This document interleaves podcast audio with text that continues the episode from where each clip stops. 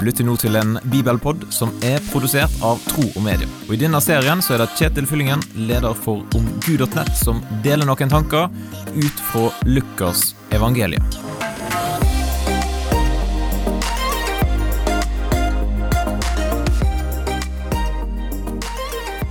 Når en ser tilbake på ting som har skjedd, da er det ofte lettere å se hva en burde gjort i en spesiell situasjon. Etterpåklokskap kaller vi det. For når vi står midt oppi noe, da er det ikke alltid like lett å se hva som er lurt å gjøre. I den siste bibelpodden så hørte vi om noen som har vært i en ganske stressa situasjon. Josef og Maria som leita desperat etter Jesus, tolvåringen som var løs i Jerusalem. Til slutt så fant de han i tempelet. Og jeg tror da at når de tenkte tilbake igjen på situasjonen, så må de ha tenkt ah, hvorfor sjekker vi ikke tempelet først? I evangeliet til Lukas, kapittel 2, vers 46b til 50, så står det Der satt han blant lærerne, lyttet til dem og stilte spørsmål. Alle som hørte ham, undret seg over hvor forstandig han var, og hvor godt han svarte. Da foreldrene så ham, ble de slått av undring, og hans mor sa, Barnet mitt, hvorfor har du gjort dette mot oss? Din far og jeg har lett etter deg og vært så redde.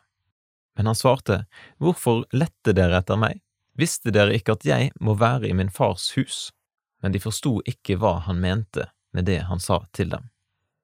Er du enig i at det er litt rart for oss som ser tilbake igjen på denne historien, at Maria og Josef ikke sprang rett til tempelet og lette etter Jesus der? Hallo, det er jo liksom Jesus det er snakk om, og det er jo typisk Jesus å henge med de skriftlærde og diskutere vanskelige tekster i Det gamle testamentet. Men kanskje er en av grunnene til at de ikke sjekka tempelet først, da at Jesus sin identitet ikke var gått helt opp eh, for Josef og Maria ennå. Og da er jo spørsmålet, hvordan er det med deg? Har du oppdaga hvem Jesus er? Kjenner du hans egentlige identitet? Hva tenker du om disse ordene her i Lukas eh, kapittel to? Du er velkommen til å dele dine tanker med meg. Du kan sende en e-post til kjetil.troogmedia.no, og så hadde jeg satt stor pris på om du delte Bibelpodden med noen som du kjenner. Da ønsker jeg deg en fin dag, og så poddes vi plutselig igjen. Takk for at du lytter gjennom denne Bibelpodden, og vil du gi en tilbakemelding på det som du hørte, eller vil du lære mer om kristen tro, da kan du gå til nettsida omgud.nett. Eller du kan sende en e-post til kjetil etter troogmedia.no.